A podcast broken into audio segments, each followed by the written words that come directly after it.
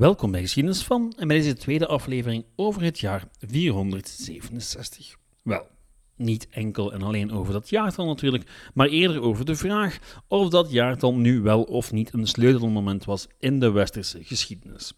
Was het werkelijk het einde van het Romeinse Rijk in het Westen? Voelde de gemiddelde West-Romein in 477 dat hij technisch gezien niet langer bestond? En wat is er vandaag de dag nog over van dat Romeinse Rijk? En waarom is de term late oudheid misschien een mooi alternatief voor dat ene jaartal? Dat en veel meer in deze aflevering van Geschiedenis van. Welkom.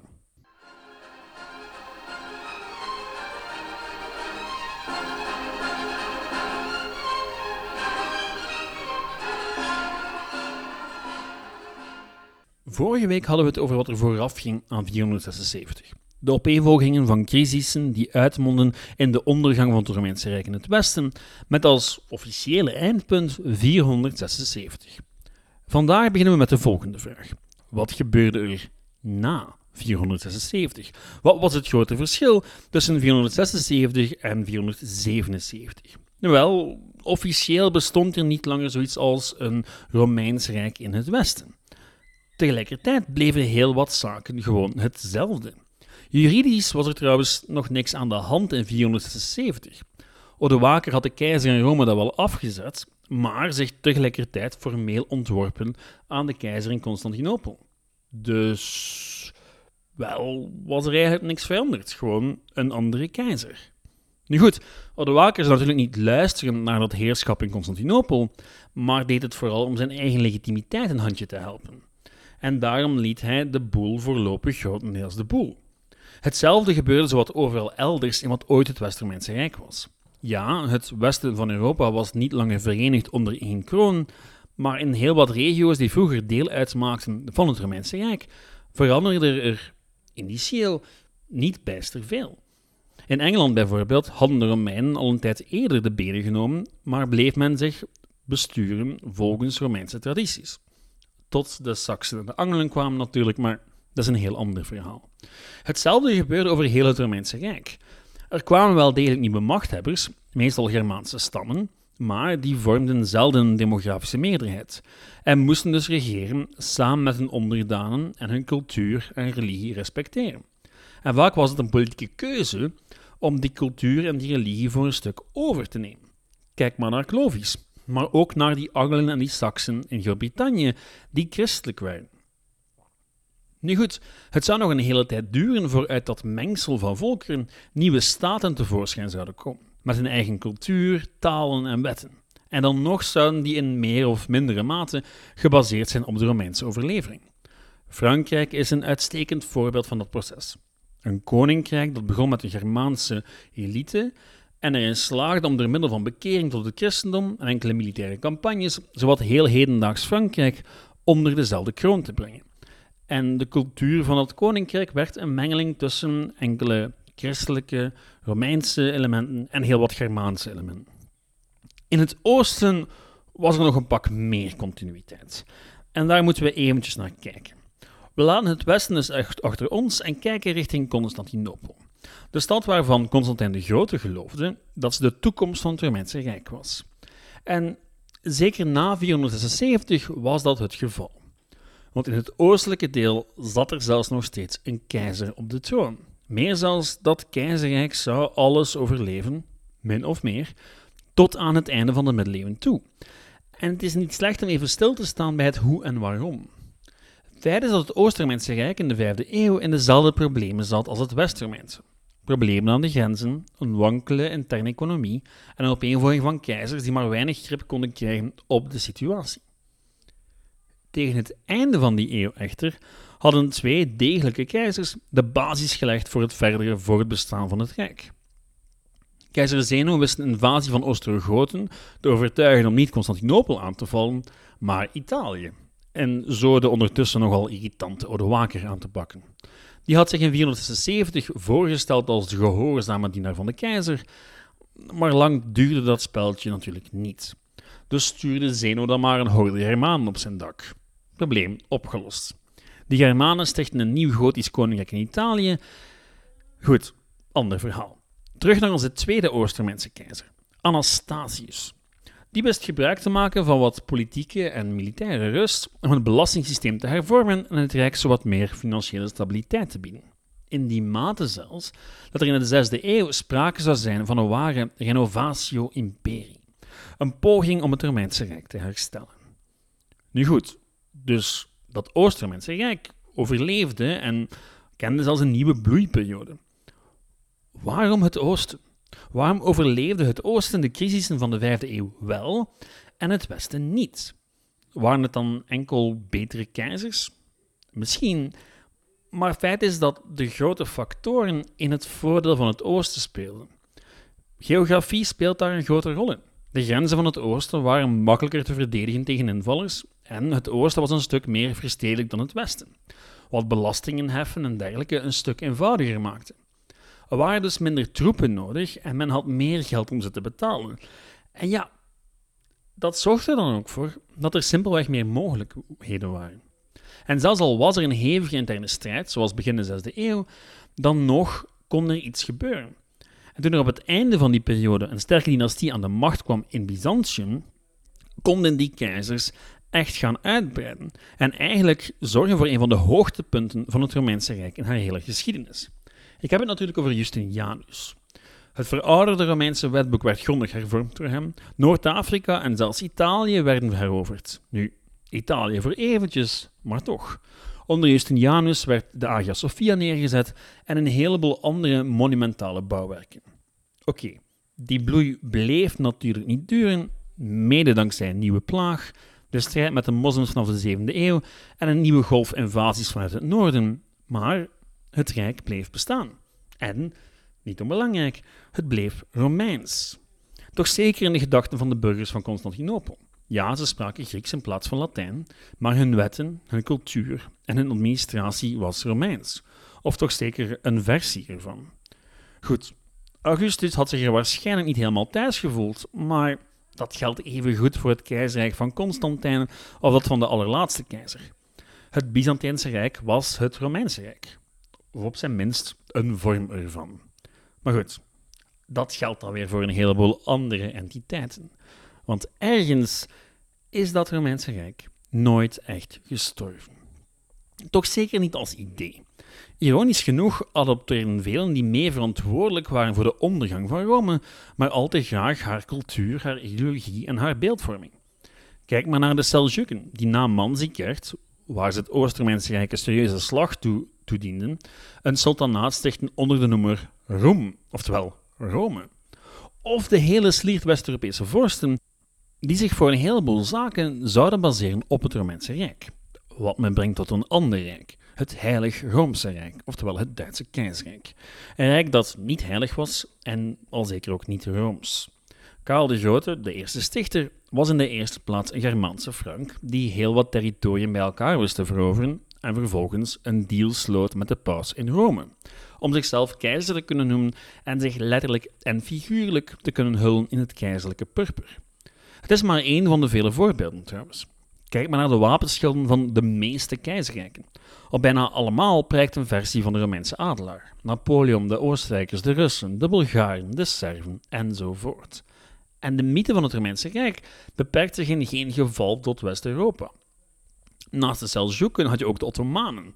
Zij maakten een einde aan het Oost-Romeinse Rijk en beschouwden zichzelf bovendien dan ook als de opvolgers van de Romeinen. En dan heb je natuurlijk ook nog Mussolini en Hitler, die zichzelf zagen als de moderne opvolgers van de Romeinen.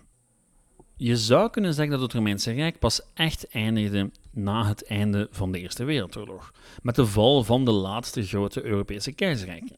918 dus in plaats van 476, maar dat houdt natuurlijk weinig steek. Er is wel degelijk een gigantische kloof tussen de middeleeuwen en de klassieke oudheid.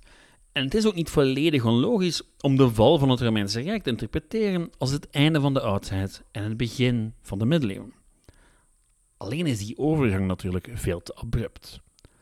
Het keizerrijk van de laatste keizer leek in weinig nog op dat van pakweg Diocletianus of Constantijn, om van Augustus nog maar te zwijgen. Een slordige 200 jaar later was de situatie weer helemaal anders.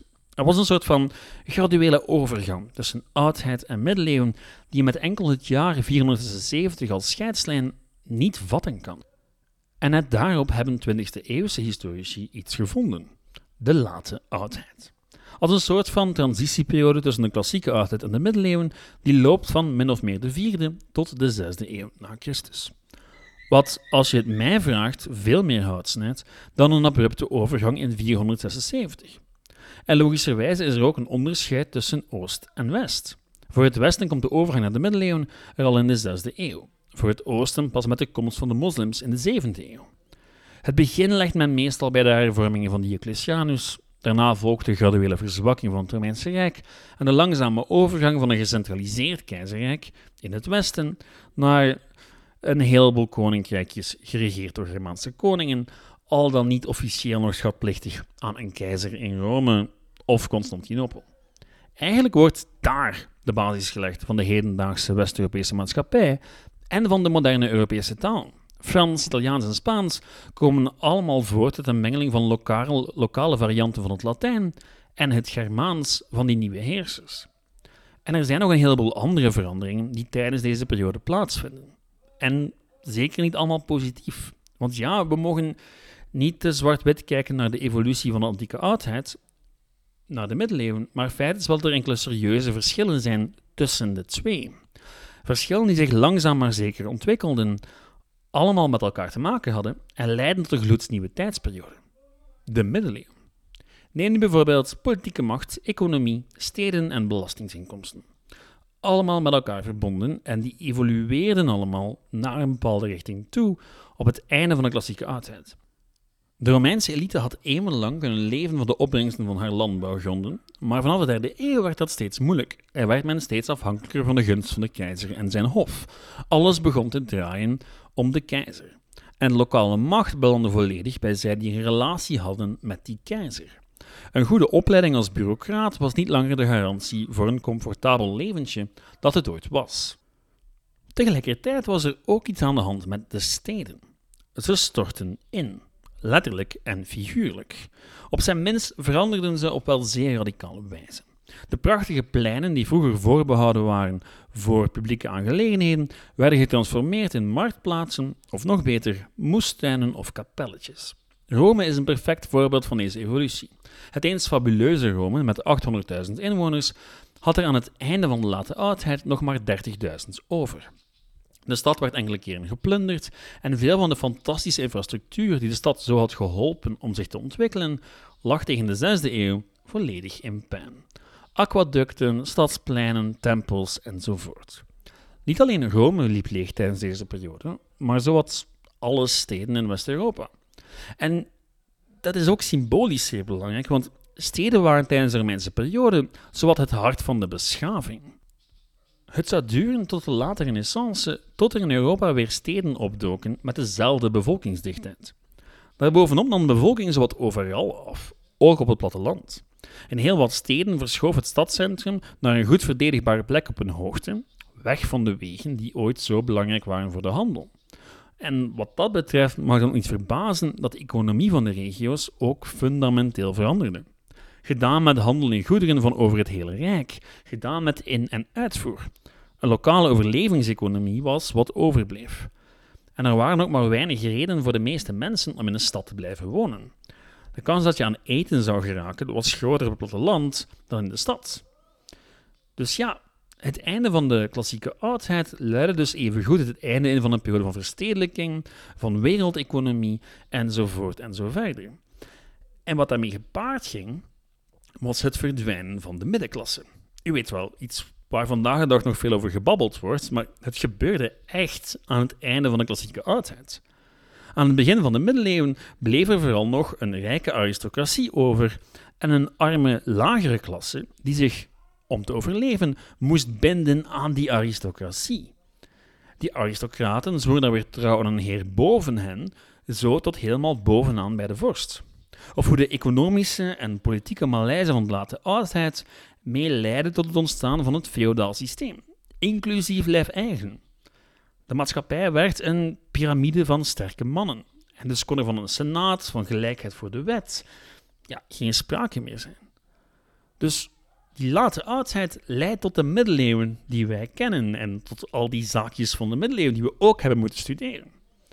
Goed, met dat alles in het achterhoofd, wetende dat ik zeer veel heb vereenvoudigd, kunnen we ons richten op de hoofdvraag van dit nogal ingewikkelde reeksje van twee afleveringen. Is het Romeinse Rijk nu echt gevallen in 476? Ja en nee, zoals altijd. Hoe meer ik lees over wat er vooraf gaat aan 476 en over wat er na komt, hoe meer ik begrijp waarom historici daar hun lijn gelegd hebben. Ze moest ergens liggen en het is een prachtsymbolisch jaartal. Alleen gaat daarachter natuurlijk een ongemeen ingewikkelde realiteit schuil. Ziekten, oorlogen en een veranderend klimaat hadden een immense impact op economie, sociologie, politiek en eigenlijk alles wat deel uitmaakt van een maatschappij. De ondergang van het Romeinse Rijk kan dus onmogelijk herleid worden tot een simpel jaartal. Het is een gigantisch proces met enkele sleutelmomenten. En als we eerlijk zijn, dan is 476 vooral symbolisch belangrijk. Het maakt het makkelijker om het verhaal van die ondergang te vertellen en daar is ook helemaal niks mis mee. Zolang we het maar doen met de nodige nuance. En feit is dat sinds de val heel wat mensen met een analytische blik teruggekeken hebben naar het Romeinse Rijk en naar 476. Allemaal in de hoop om te leren uit de geschiedenis. Om de oorzaken van de val te kunnen ontcijferen en een gelijkaardig verval van hun eigen beschaving te kunnen vermijden. En het is net omwille van die fascinatie dat we dat Dekselse jaartal allemaal van buiten hebben moeten leren. Maar met dat jaartal alleen zijn we niks. We kunnen een heleboel leren uit de val van het Romeinse Rijk, al is het maar dat het politieke en economisch systeem altijd feestelijk ingewikkeld zijn. En niet te herleiden tot één jaartal. Goed. Hopelijk had u daar iets aan, want dat was het voor deze week en voor het jaartal 476. Volgende week iets helemaal anders, dan pakken we opnieuw het waarom van een land aan. Deze keer Zwitserland. Waarom is Zwitserland vandaag de dag een ding? En meer nog, waarom neemt dat land zo een unieke positie in in Europa? Geen lid van de Europese Unie en een van de weinige landen die zichzelf zowel uit de Eerste als de Tweede Wereldoorlog heeft weten te houden.